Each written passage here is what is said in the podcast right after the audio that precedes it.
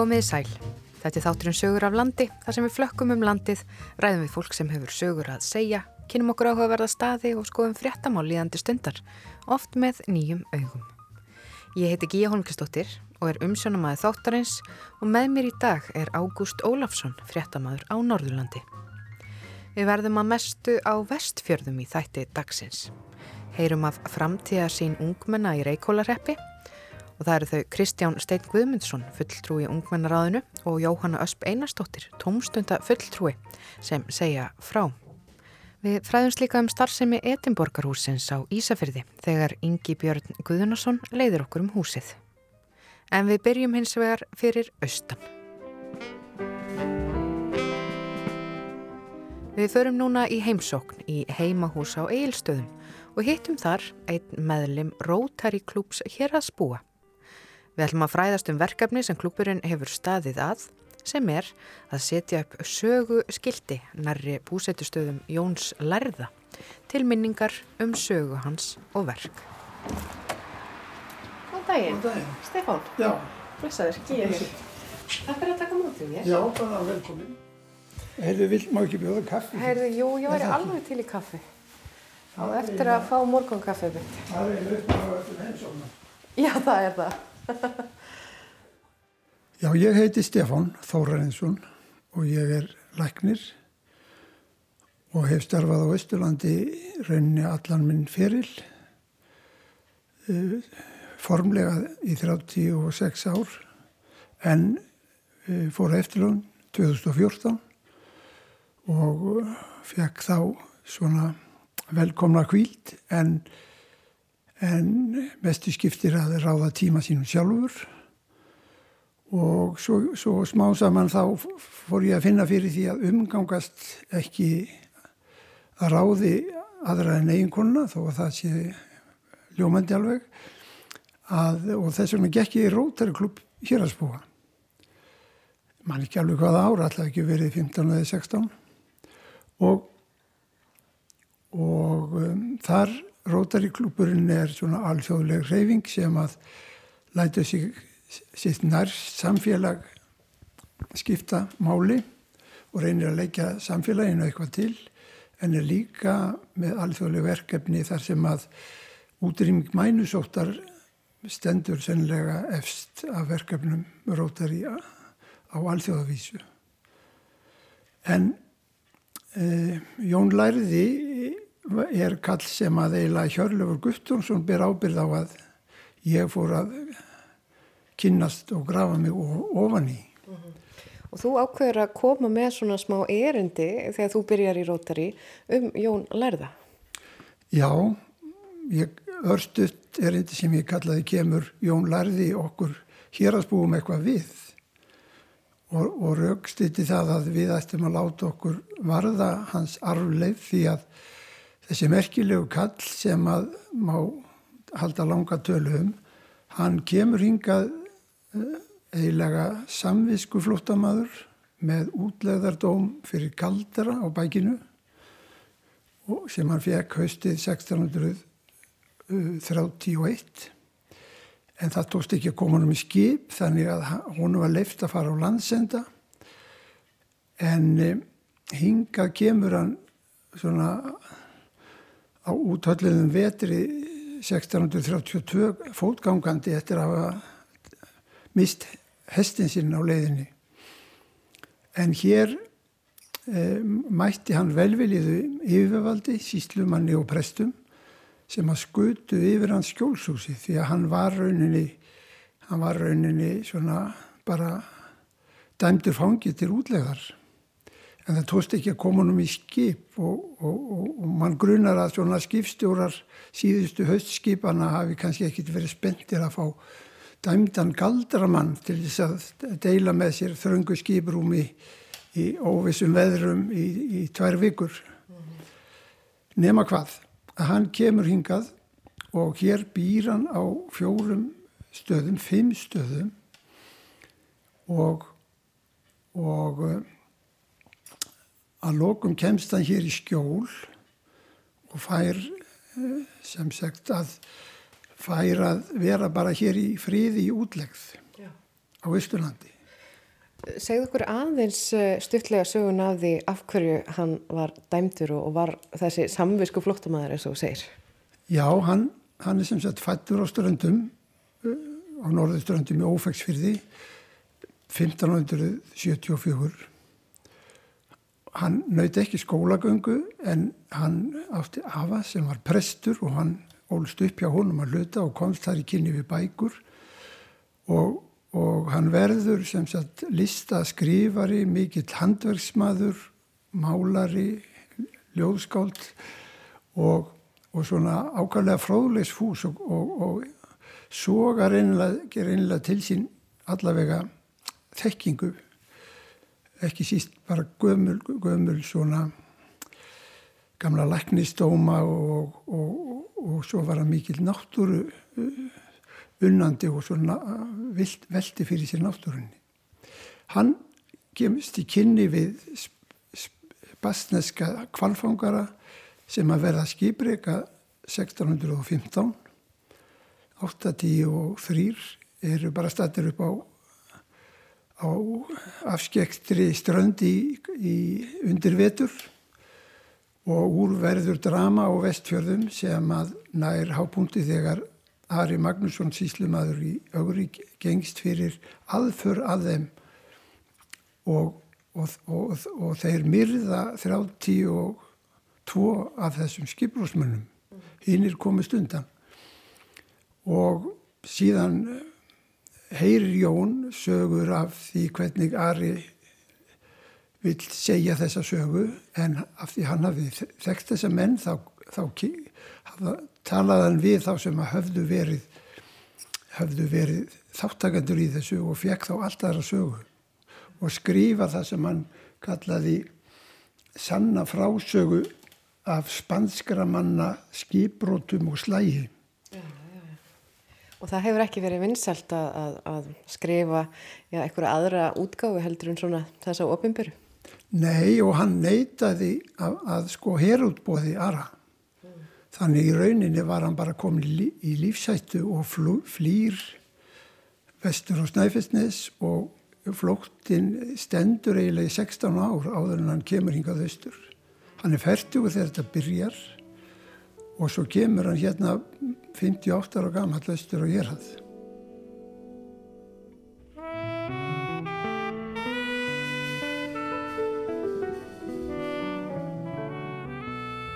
Og hann fær fyrst að búa á koti sem heitir landsendi út við sjó við Hérisflóa en svo er líst eftir honum og sett fér til höfusónum tveimur, þreimur ára setna þá er hann alltaf komið bara í bráða lífsæstu því að þarna voru þetta var tími sko kaldrabrennana.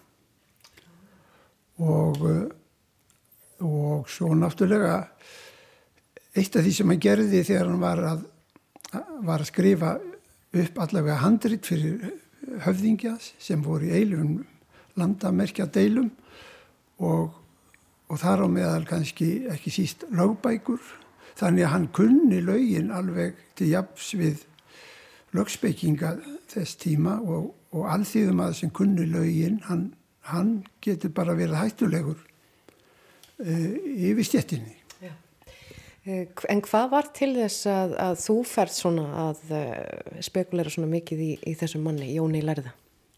Það er eiginlega Hjörlefu Guttónsson sem á sök á því. Hann stóð fyrir málþingi 2008 eh, hér á Hjörði út á Hjaltalundi um Jón Lærða til þess að minnast 350 ára árstíðar Jóns. Og, og þá var settur niður legsteinn við Hjaltastað það, það sem hann er grafin fyrir kirkjutýrum á samt konu sinni. Og, og síðan gaf Hjörlefur stóðan fyrir því að það var gefin út, út ráðstefnubók 2013 og, og Hjörlefur vildi að hérasbúar gerðu kæmi upp sapni yfir Jón Lærða á Hjaltastað. Og, og ég var dregin inn í nefnd sem að átti að fjalla um það erindans og, og, gerði. En, en það var svona til þess að ég fór að grafa mig onni þessa merkilegu sögu. Og svo fór ég að segja félagum mínum í Rótariklubnum frá þessu og 2019 er ákveðið að setja upp söguskildi, allir klúburinn að standa fyrir því að setja upp söguskildi á búsettu stöðum Jóns hér í Istra. Já. Og voru búsettu staðir hans eh, margir hérna á Östurlandi, á hérði? Já, þeir, þeir vörðu fimm. Fyrst í þessu hérna út á landsenda, svo þegar það var að fara að lýsa eftir honum, þá uh, hjálpuðu sömuð ennbætsmenn honum að komast út í Bjarnari honum og konu hans Sigriði Þorleifsdóttur sem stóð með honum í gegnum þygt og þund. Og þaðan fyrir Jón til Kaupanahafnar á samt Guðmundi síni sínum sem hafði, prest, var prestur en hafði mist bæði kjól og kall í þessum já, þessum uh, stormi sem stóðum föður hans meðal annars. Þeir farið til Kaupanarbi til að leita ásjálf konungs og, og fá rétt sín mál. Og háskólar á því Kaupanarbi rannsakar hans mál og Úli Vorm var formaður þess einhver merkasti vísindamaður, náttúruvísindamaður Evrópa á þeim, þeim tíma. Og þeir finna enga sekt hjá hann og hann fer heim til Íslands með konungsbref upp á þetta en eh, málans er tekið fyrir aftur og hann er dæmdur aftur til útlegðar en hann má eigða þá æfinni austur á landi. Það var nú langt frá yfirvöldum til þess að hann væri ekki að trubla þau og mikið. Já. Og uh, hvernig svona tók fólkonum þegar hann var komin hinga á austur? Hann var í svolítið í skjóli hérna, má ekki segja það? Jú, hún var rauninni bara vel tekið og meðan hann var út í kaupmanna þá var Sigriður einn út í Bjarnaregi sem er bara lítil eiga og mjög áveðurs og hún bjóð þar á samt svona gamlum vinnumanni sem það þekkti vel til og og þegar Jón kemur tilbaka þá er hann semst handtekinn aftur og dæmdur aftur. En þá er hann komin í skjól og má fara upp og komst upp á land. Og þá bjóð hann í litlu koti sem að heiti Gagstaði hjálega og Guðmundur Sónur hans var það komin með eh, prests eh, leifi aftur. Var aðstofa prestur og hjáltastað en síðan flýst hann það nokkrum árum setna í, í kót sem heitir Dalasel eða í þá daga Dalakót en síðustu fjögur ára æfinar Eh, býr hann hjá Guðmundi síni sínum sem er orðin prestur á Hjaltastad og hann, hann, hann náði eh, háum aldri 83 ára gammal varðan sem er ótrúlegur aldur með við þessa, þetta ævi laup hans og hann fættist þarna í já, fátækt á vestfjörðum og, og um, já þetta er viðbörurrík æfi sem hann á en, en þegar hann er komin hingað á hér að næra hann að sinna þegar hann var að sinna ímsum rittstörfum og svona fræðistörfum rauninni fær hann rými til þess hér? Já, já hann hafði kynst Brynjólfi Svensinni sem síðan var biskup á Ísland í Skálholti mm. Út í þessari köpunafnaferð og Brynjólfur átti að sjá því hvað þessi kall var marg fróður og, og merkilegur.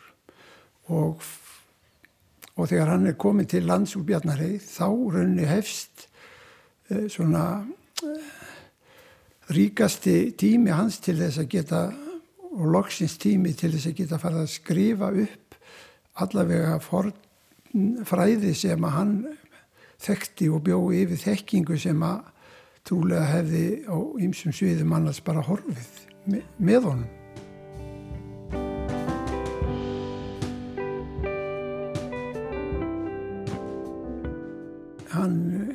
kunni að þýða rúnaletrið og, og uh, skrifaði upp stafróð þess og hann skrifaði lækningabók uh, sem að uh, var náttúrulega hluti í að því sem honum sneri skegnunum þegar menn fóru að sjá hættu að galdramönnum í hverju hodni.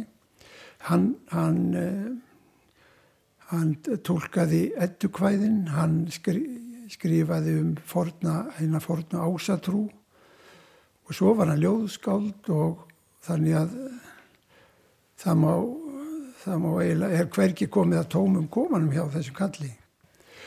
Svo skrifaði hann bók um náttúrufræði, fyrstu bók um náttúrufræði á Íslandi sem skrifuð var og kallaði hann eina stutta undirréttingu um Íslands aðskiljanlegar náttúr. Já. Merkilegt rít.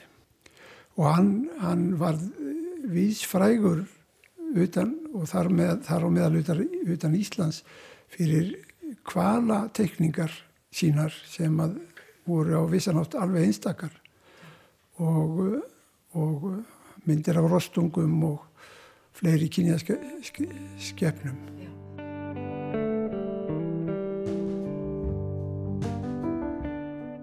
En svo helst þú þarna erindi þar sem að þú spyrð rótar í félaga þína, kemur Jón lærði okkur hér að spúum eitthvað við og svaraðu greinilega já og þið takið upp þetta verkefni að setja sögurskildi á svona hans búsetu svæði hérna á hér að þið. Hvernig hefur þetta verkefni svo þróast og gengið? Það byrjaði 2019 að þá var þetta ákveðið og við leitiðum eftir styrk, fengum hann frá framkvæmda sjóði Rótari á Íslandi og frá sveitafélaginu sem nú er múlaþing en e, svo lögðu líka bara Rótari félaga til fjög sínum sjóði og kiftu bók Hjörleifs um, um í fótspor Jóns Lærða og, og allt lagðist þetta í eitt púk þannig að við gáttum framkvæmt þetta en það sem skipti mestu máli var samvinna sem við náðum við ferðaférilag fljóstarsérðas. Þeir kunni að búa til svona skildi og smíðuðu fyrir okkur rauninni alla rammana og hjálpuðu okkur af stað með að setja skildin upp.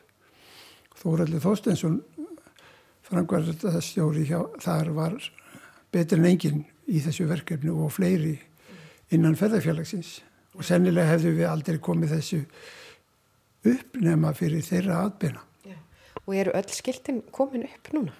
Já, núna í desember síðastlinum þá afhjúpuðum við síðasta skiltið og skiltin eru þannig að þau eru lítil svona púltlaga skilti sem eru á sett niður á hverjum búsétustad í óns og við komumst í haust eftir árspið út í Bjarnarei og það er skildi líka.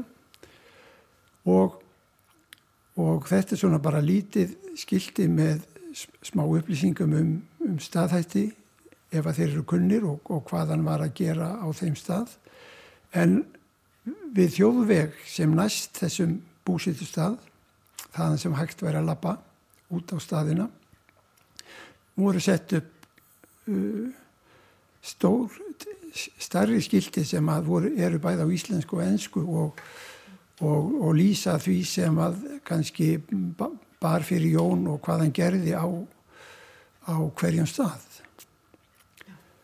En síðasta skildi sem var afhjúpað var er eiginlega landakort yfir búsetustæðina og er svona líkil skildi á, á miðjú úthýraði þar sem að hægt er að líka sjá náttúruperlur sem að ferðarfélags fljóstaséras hefur makið aðtikla á. Já. Þannig að samvinnan hefur líka endurspeglast í upplýsingunum sem að má finna á þessum skiltum og kannski göngulegðir og ímislegt þannig. Já, já og, og það er náttúrulega von okkar að einhverjir finni hjá sér áhuga til þess að kynna sér sögu Jóns og, og vitja þessara. -huh. En við áttum einstaklega gott samstarfi alla landeigendur og umsjónum en jarða allir tóku þessi vel því að auðvitað er eru með nánæðir að land þeirra búi yfir svona merkilegri sögum. Eh, hvernig er það meðal hér að spúa? Er almenn vittneskja um eh, Jón Lærða hérna á svæðinu og til dæmis líka meðal þeirra sem áttu þarna og eiga jarðirnar þar sem að núna þessi skilt eru komin? Það var nú svona upp og ofan sem er þekktu þetta sæmilega en aðrir alls ekki og og við gáum all, öllum bók Hjörleifs sem að hjálpuð okkur við þetta verk og það var mentaskóla kennari hérna Átni Finnsson sem að þýtti alla texta yfir á ennsku en Hjörleifur hjálpað, hjálpað, okkur líka, hjálpað okkur líka með, með textageðin á skildunum var svona eftirlismæðu með að þetta væri satt og rétt sem var, var, var, var þarna haldið fram. Þetta er búið að taka alveg nokkur tíma eins og svona verkefni gera oft. Þið byrjuðu þetta hann að 2019. Um, hvernig er svo að sjá þetta já, komið, öll skiltin komin upp? Hvernig er svona tilfinningin? Já, hún er náttúrulega mjög góð og, og, og rótar í menn eru stoltir af þessu framtæki og, og meg að vera það. En það væri gaman ef að aðrir klubbar, rótari klubbar eða áhuga mannafélög eh, kannski fettuð í fótspor okkar og sett upp samsvarandi skildi hjá á, á búsittustöðum hans sem eru mjög víðum land af því hann raktist frá einu stað til annars og rótari hér og ferðarfélagi var í alveg tilbúið að aðstóða þá sem vildu eh, fara í svona verkefni. Stefán Þórarinsson, takk fyrir að, að segja okkur frá þessu verkefni hér hjá Rótari klúpi hér að spúa, eh, þessi sögurskildi um Jón Lærða og gangi ykkur vel. Þakkaði fyrir og þakkaði fyrir að sína þessu áhuga. Takk.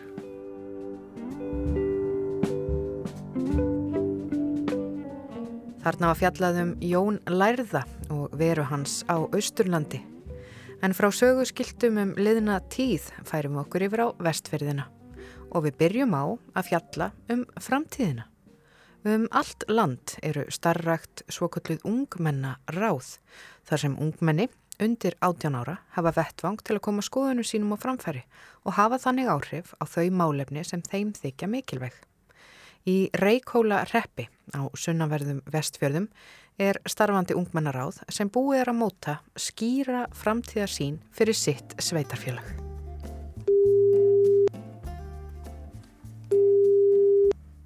Ég heiti Jóhanna Öspeinarstóttir og ég er tómstundafulltrú í Reykjólarheppi.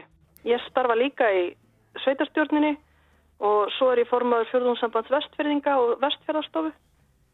Sko, ungmennaráðið er hjá okkur opið ungmennaráð sem þýðir að þau velja sér sjálf sína fulltrúa í ungmennaráðið. Svo fá þau til umfjöllunar málefni sem þau varðar og þau hafa áhuga á og þau hafa svolítið farið yfir fundargerðir sveitafélagsins valið sér málefni til umfjöldunar, uh, komið með tillögurinn í fjárasáalluna gerð en við fullarna fólki erum stundum að ákveða hvaða málefni varðar unga fólkið okkar og stundum hafa þeim verið útlutað svona krút málefnum eins og að fjalla um bara málefni skuggakostning í Eurovision og eitthvað svo leiðis en ungmenni hafa bara svo margt til málana að leggja. Segðu mér aðeins frá þessari svona uh, framtíðar sín ungmennana og, og, og hvernig hún var unnin? Þetta byrjaði á ungmennaþingi þar sem að öllum ungmennum er bóðið að koma og taka þátt. Og þeim var skipti í vinnustofur þar sem þau fjöldluðum þjónustu, þau fjöldluðum aftreyingu, uppbyggingu og unnur svo út frá því bara tillögur. Þannig að allir gáttu sett niður punta á blað. Uh, ungmennaráðið sem var kosið á þessu sama þingi fekk svo þessar tillögur til frekari vinslu og upp úr henni bjóð kjörna ungmennaráði til framtíða sín ungmenna út frá tillögun sem urðu til ungmennaþingi. Og þau sjá alls konar málefni sem að við þórum kannski ekkit endilega að fara í. Þau eru ekkit að festast í því að það sé búið að prófa þetta áður eða, eða einhverja svona hefðir og, og gildi sem að fylgja þeim svona fast eftir heldur sjá þau bara nákvæmlega hvernig þau vilja sjá framtíðina og það er svo holdt fyrir okkur sem að vinnum í sveitarstjórn að horfa á þeirra upplifun af umgjörðinni því að þau eru líka að spá í sömu málefnum og við og þau eru líka að vilja sjá sömu framþróun og við þannig að þau eru mjög vel þengjandi og meðvitið um hvað er í gangi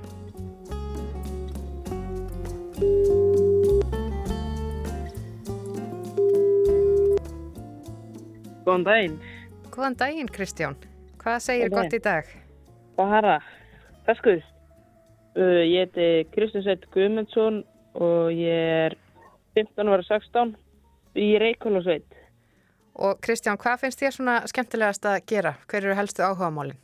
Helst áhæmálið mín eru aðalega kindur eða landbúnar yfir höfuð bara og svona tæki sem ganga fyrir bensin og dísel. Og þú ert í ungmanna ráði. Hvernig er það? Uh, það er náttúrulega bara, það er alveg spennandi og gott að rattir barna það heyrast. Hvað finnst þér svona skemmtilegast við að vera í ungmennaráðinu? Það eru örugglega bara félagskapirinn og fá að koma sína framfæri. En hvað er það flóknasta? Það eru örugglega líka að koma sína framfæri. Að það sé hlustað á mann. Já, já. En ég er svo áhugaðsum um þessa framtíðasín sem að þið byggu til. Segðu mér aðeins eh, af hverju er mikilvægt fyrir ungt fólk að búa til svona framtíðasín um staðin sem það býr á? Því þá nærði bara að koma sína á framfæri og læra að láta rattinu sinna heyrast. Og þá getur sveitasvörnum tekið álita því og, og þá getur kannski eitthvað gerst úr því. Og framtíðarsín ungmennaráðsins í Reykjólarheppi sem samþygt var á fundi 7. oktober 2022 er svo hljóðandi. Eftir 20 ár er Reykjóla skóli með yfir 100 börn í skólanum. Byggja þurfti nýjan leikskóla þar sem fólki fannst aðlaðandi að setja stað í sveitafélagi þar sem ekki eru leikskólagjöld. Jafnbrann þurfti að nýta rými leikskólans í kennslustofur. Í sveitafélaginu búa yfir 800 manns. Verslun og þjónusta hafa aukist í muna og nú hafa íbúar aðgangað ísbúð, pítsastað og bakari. Styrkleikar verslunar og þjónustu eru að vörur eru framleitar í heimabygð. Börnin í skólanum láta sitt ekki eftir liggja, framleiða handverk, rekta grænmiti og íta undir sjálfbært samfélag. Náttúrulegin á reikólum niður í fjöru hefur nótið mikill að vinsalda meðal heimamanna og ferðamanna.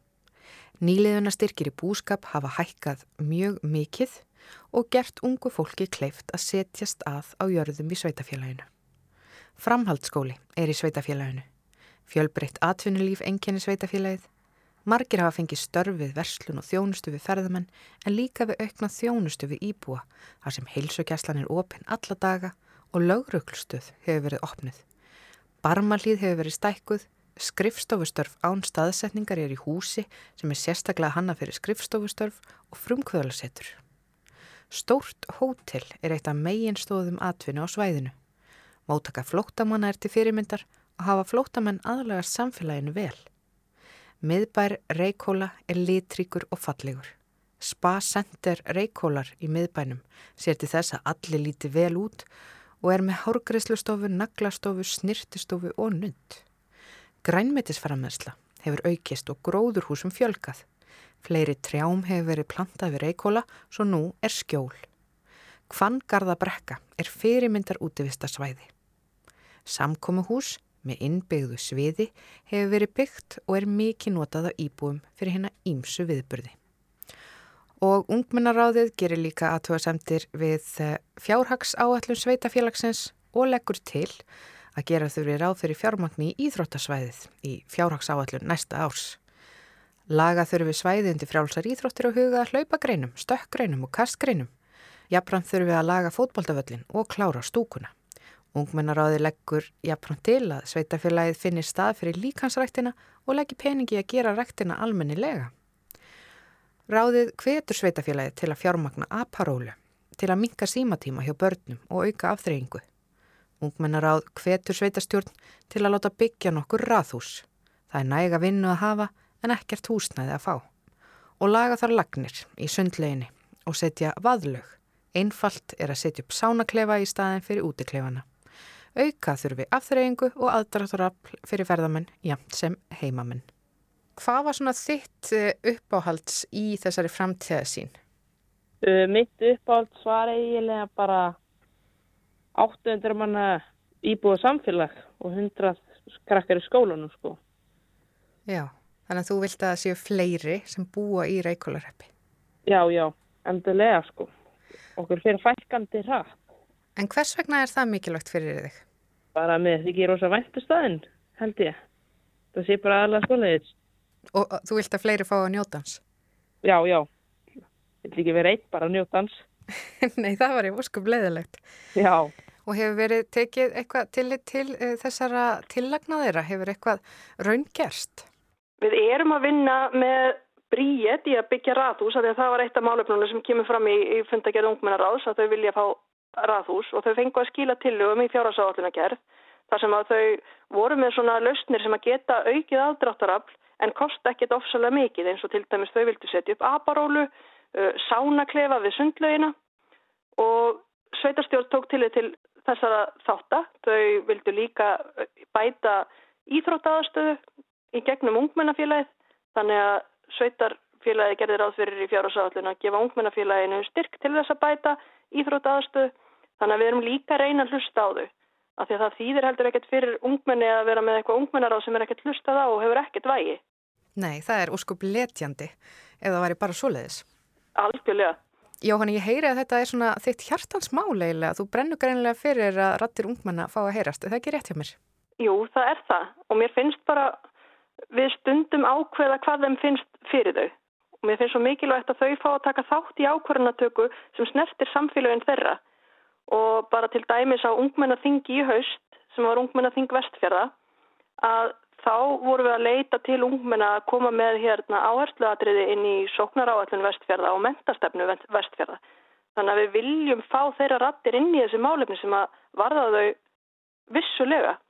Og þó að í fljótu bræði þá hugsaðum maður kannski skipulagsmál, ungmenni hafa ekkert með þau að gera. En auðvitað hafa ungmenni með skipulagsmál að gera líka af því að þarna er skipulagsmálur að móta framtíða sín sveitafélagsins. Þannig að auðvitað þarf að passa upp á þeirra rattir heyrist líka. Já. Og með svona upplugt fólk, ungt fólk sem hefur áhuga á málunum, þá er framtíðin björnt.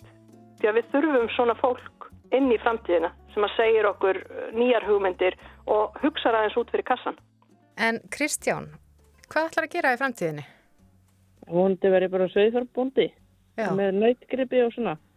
Glæsilegt, það er ekki amaleg framtíðarsýn svona hjá þér, persónulega. Nei. Um, gætir þú sagt mér, bara svona að lokum, Já. er eitthvað svona skilabóð sem að þú sem uh, ungur einstaklingur, ungu maður, vilt koma að framfæri við þá sem að eru í sveitastjórnum um all land? Bara hlusta á rattir barnana og halda bara áfram að gera gott, held ég.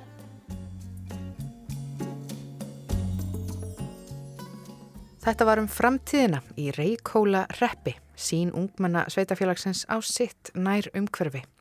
Og þarna var rætt við þau Kristján Stein Guðmundsson, ungmenna ráðs fulltrúa og Jóhannu Ösp Einarstóttir, tómstundar fulltrúa í Reykjóla reppi. En frá sunnaverðu vestjörðum höldum við til Ísafjörðar.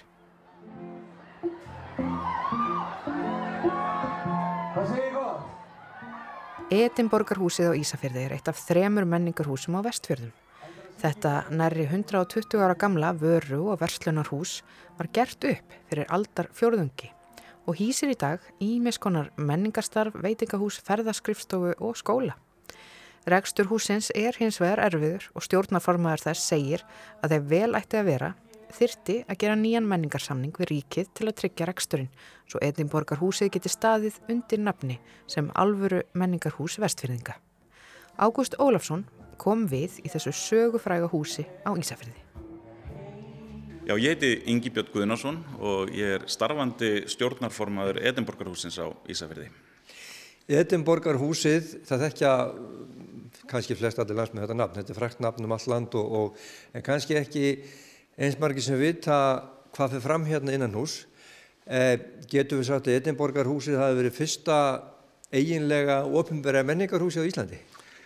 Það er góð spurning. Ég, hérna, ég þóru nú ekki alveg að fullir það sé svona, en, en þetta er allavega eitt af þeim húsum sem var skilgreint sem menningarhús landsfjörðungana. Það var í kringum aldamótin síðustefi mann rétt sem að kom fram svo hugmynd hjá uh, ríkisvaldinu að, að skilgreina menningarhús í hverjum landsfjörðungi sem ætti að hafa svona fjölbreytt hlutverk í menningarlífi hvers fjörðungs fyrir sig og þá var nú reyndar hafinn endurbygging þessa fortfræga hús. Uh, það var svona já, á tíunda áratögnum þá, þá hérna, var, var, voru hérna, einstaklingar og, og félög hérna í bænum sem voru búin að eignast þetta hús og, og unnu að því hörðum höndum að, að, að hérna, endurbyggja það og gera það að menningarhúsi. Mm. Þannig að þetta hús fjall allavega mjög vel inn í, inn í þá hugmynd og, og varð svo hluti af, af þessum, þessum húsum sem eru svona, hafa svo verið útferð á ólíkan hátt í ólíkum landsfjörðungum. Mm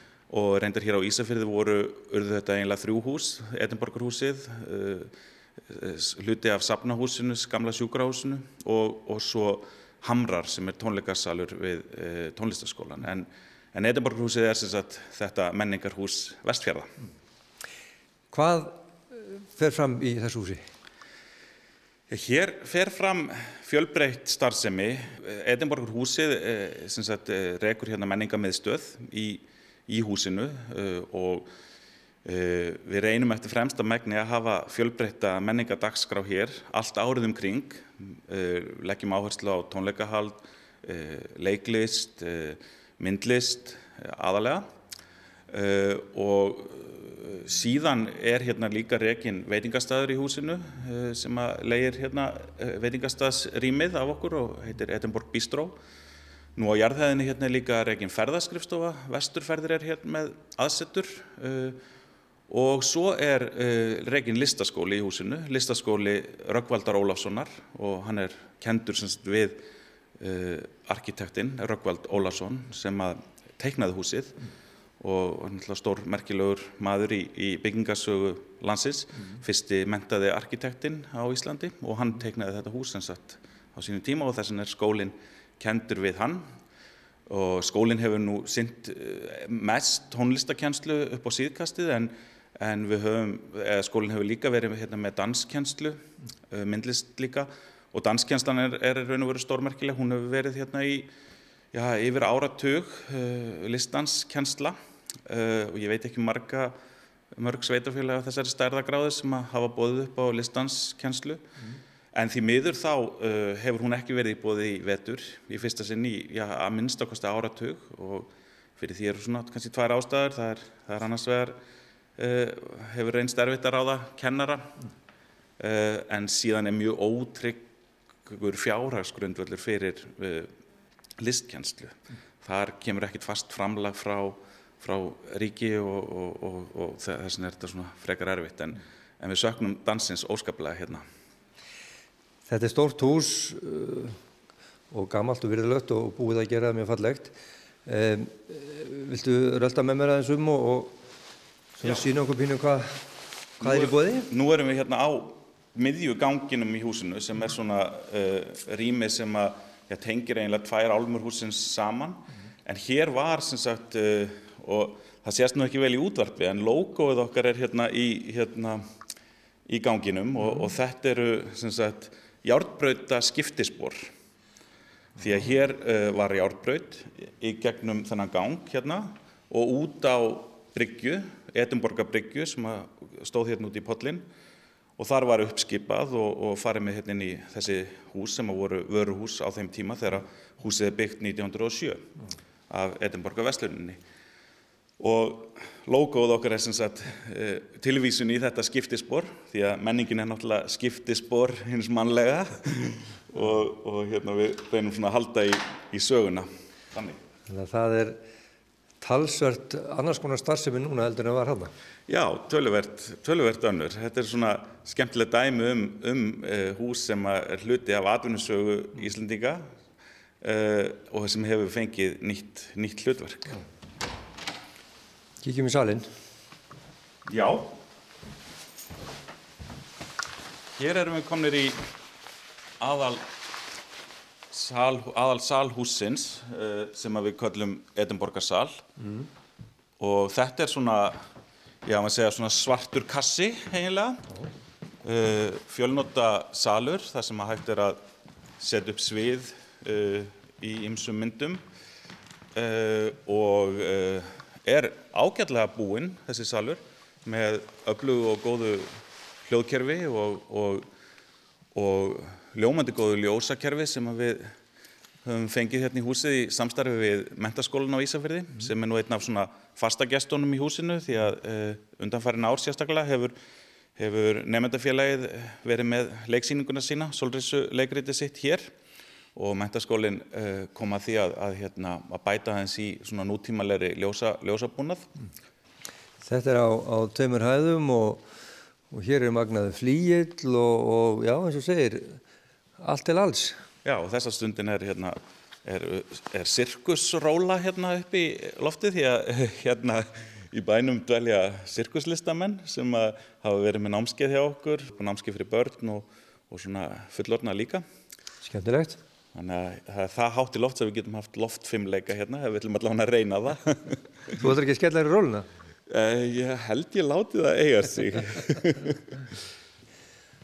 Hér er sem sagt svo hægt að opna yfir í hliðarsalinn okkar mm -hmm. og þannig að það er hægt að tengja þessar tvo sali saman og saman eru þeir já, ríflega 300 fermetrar. Mm -hmm. Sá salur, hann er nú nefndur eftir, eftir bryggjunni sem að stóð hérna út í podlinn. Uh, Bryggjusalur. Bryggjusalur. Bjartur og fallegu salur mm -hmm. uh, með útsýni hérna yfir, yfir podlinn mm og þetta er nú svona bara, hér var danskjænslanir mitt alltaf og uh, verður húanandi aftur og ímislegt flera, um helgina var til dæmis harmonikuball hérna, Baldur Germundsson spilaði á neikuna og, og Margrit Gerstóttir söng og hér dansuðu já, fólk á öllum aldri bara mætti hér og dansaði frá klukkan 2-4 Það hefði nú geta gerst bara meðan að þetta var, var hérna vöruhús í ganum daga. Já, hver veit nema það hafi verið sleið upp dansleikum hérna einhvern tíman í, í, í hérna um helgar í þessu stóra húsi. Mm. Já, þetta er, þetta er frábært og við sjáum hér út á gluggan, hérna horfum við bara beint út á, á podlinn og, og yfir höfnina. Já, hér er bara ljómandi gott útsinni og alltaf bjart og, og skemmtilegt í þessum sal og við höfum yðurlega verið með myndlistasýningar hérna. Svona á sumrin eru, eru gerðan myndlistasýningar hérna og það nýtur sín alveg sérstaklega vel í þessum sal að, að sína, sína listaverk. Mm. Og svo þetta er náttúrulega á, á fleiri hæðum sko. Er, við getum lappað upp á loft, við getum farið náttúrulega, við getum endalist lappað um húsið. Og... Já, við getum endilega að kíkja hérna upp á, upp á aðra hæð. Já. Hér er svona öflugur og fín timpustígi eins og gengur í konum húsum. Já. Hér er við kominir á, á aðra hæðina og, og þar er gengt hérna út á, út á svalir sem eru yfir, yfir stóra salnum sem er svona tækni, tæknirými og, og aðstæða fyrir slíkt. Og svo er hérna minnsti salur húsins sem að við kallum Rökkvaldarsal ja. og hér, hér fer nú dagstæðilega fram kjensla, tónlistakjensla og hérna piano og, og söngur mm -hmm. og inn af þessu eru svo uh, herbeggi þar sem er já, skilgreint myndlistarherbeggi uh, sem hefur verið notað undir námskeiðahald og, og annað slikt uh, í gegnum tíðina mm. og svo annað svona kjenslu, kjenslurými þarna innaf. En hvernig, þetta er um menningarhús og, og ofinbert sem slíkt Eh, hvernig gengur að reka þetta hús á ársgrundvilli hér á, á, á Ísari? Já, það mætti nú ganga betur, mm. það verður nú að segjast alveg eins og það er. Eh, og það hefur gengið stíla að fá í raun og veru fjármakt til þess að reka húsið. Þú veist, húsið er byggt á sínum tíma af myndarskap, eh, það, það er náttúrulega þessi félag sem að leggja mjög mikið á sig og vinnu og peninga í, í það að byggja húsið og svo kemur framlega frá ríkinu sem stí gegnum þennan menningarhúsa samning. Mm og sveitafélagi leggur líka til en svo kannski gleimist að, að það, þarf, það þarf kannski eitthvað meira til þess að uh, húsið virki eins og, það, eins og til þess er stopnað. En hvað þyrsti að koma til? Nú er, er þetta umbett menningarhús og já, þá kannski þyrsti að stekka menningarsamningu í ríkið eða hvað þyrsti að gerast til þess að þið getur haldið hér út í starfsmenn alltaf? Já, það, það verði auðvitað óska staðan að það erði einhver svona þrýhliða samningur sem að, sem að, uh, sem sagt, Edinborgarhúsið, Ísafjörðabær og, og hérna og menta og menningamálráðanetti myndu, myndu gera, Men, menningar og viðskiptarráðanetti heitir það í dag, mm. um, myndu gera um, um reksturhúsins þannig að það myndi uh, standa undir nafni sem menningarhús og við erum í mjög góðu samtali við uh, bæði sveitafélagið og, og ráðunettið um það tekur auðvitað bara tíma að finna útferðslu og svo leiðist þannig að við erum nú við erum vongóðir um að það, það gangi upp á þessu ári að, hérna, að finna einhverja leið til þess að ég skapa einlega svolítið svona rekstrar öryggi. Húsnaðið er gott, það eru salir, það eru öll aðstæða, nægir nú, nægt er nú frambúðað menningunni hér á, hér á vestjörðum þannig að Þannig að sko þið geta lagt margt á móti ef, ef ríki kemur síðan og bakkar ykkur upp. Já, já, það, það, það, það er raun og verið allt til alls hér að, að þetta hús geti virkað eins og, eins og til þess var, var stopnað mm. uh, og eins og þú segir, það er náttúrulega blómlegt menningarlíf á, á Ísafjörði og á Vestfjörðum og þá er þetta frábært að, að þetta hús sé til til þess að sinna því og til þess að vera, vera aðsettur fyrir, fyrir hvaðina. Hvernig séu þið fyrir þér framtíðina hérna uh, þetta er og þú segir og, og það er hægt að gera miklu betur, kannski gera betur samninga við ríkið sem út af menningarhúsinu og, en, en svona ef þú hugsar sumarið á næstu ár? Já, ég bara lefi mér að vera bjart sín uh, eh, og hérna og svona spurning hvað maður, hvað maður, hversu bjart sín lengi maður er en, en ég er bjart sín og, og ég sé fyrir mér að þetta hús geti elst enn frekar og orðið svona já, uppspretta uh, góðra verka og góðra verkefna.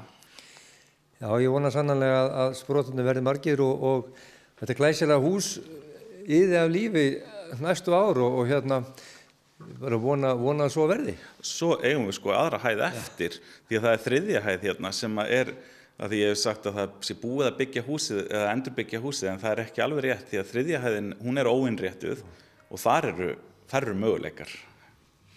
Takk hjá það fyrir spjallið og gangi ykkur vel. Takk fyrir, takk fyrir komina. Ingi Björn Guðunarsson sagði frá starfsemi Edimborgarhúsins á Ísafyrði. En þá komum við að lokum hér í sögum af landi í dag. Í þessum þætti var auk Inga Björns rætt við Stefán Þórarinsson um sögurskildi um búsettusvæði Jóns Lærða og þau Kristján Stein Guðmundsson í ungmennaráði Reykjóla Reps og Jóhannu Ösp Einarstóttur, tómstundafulltrúa Reykjóla Reps. Og við minnum á að alltaf er hægt að senda ábendingar um efni á netfangið sögur af landi at rúf.is. En við verðum hér á sama tíma í næstu viku. Takk fyrir að hlusta og verði sæl.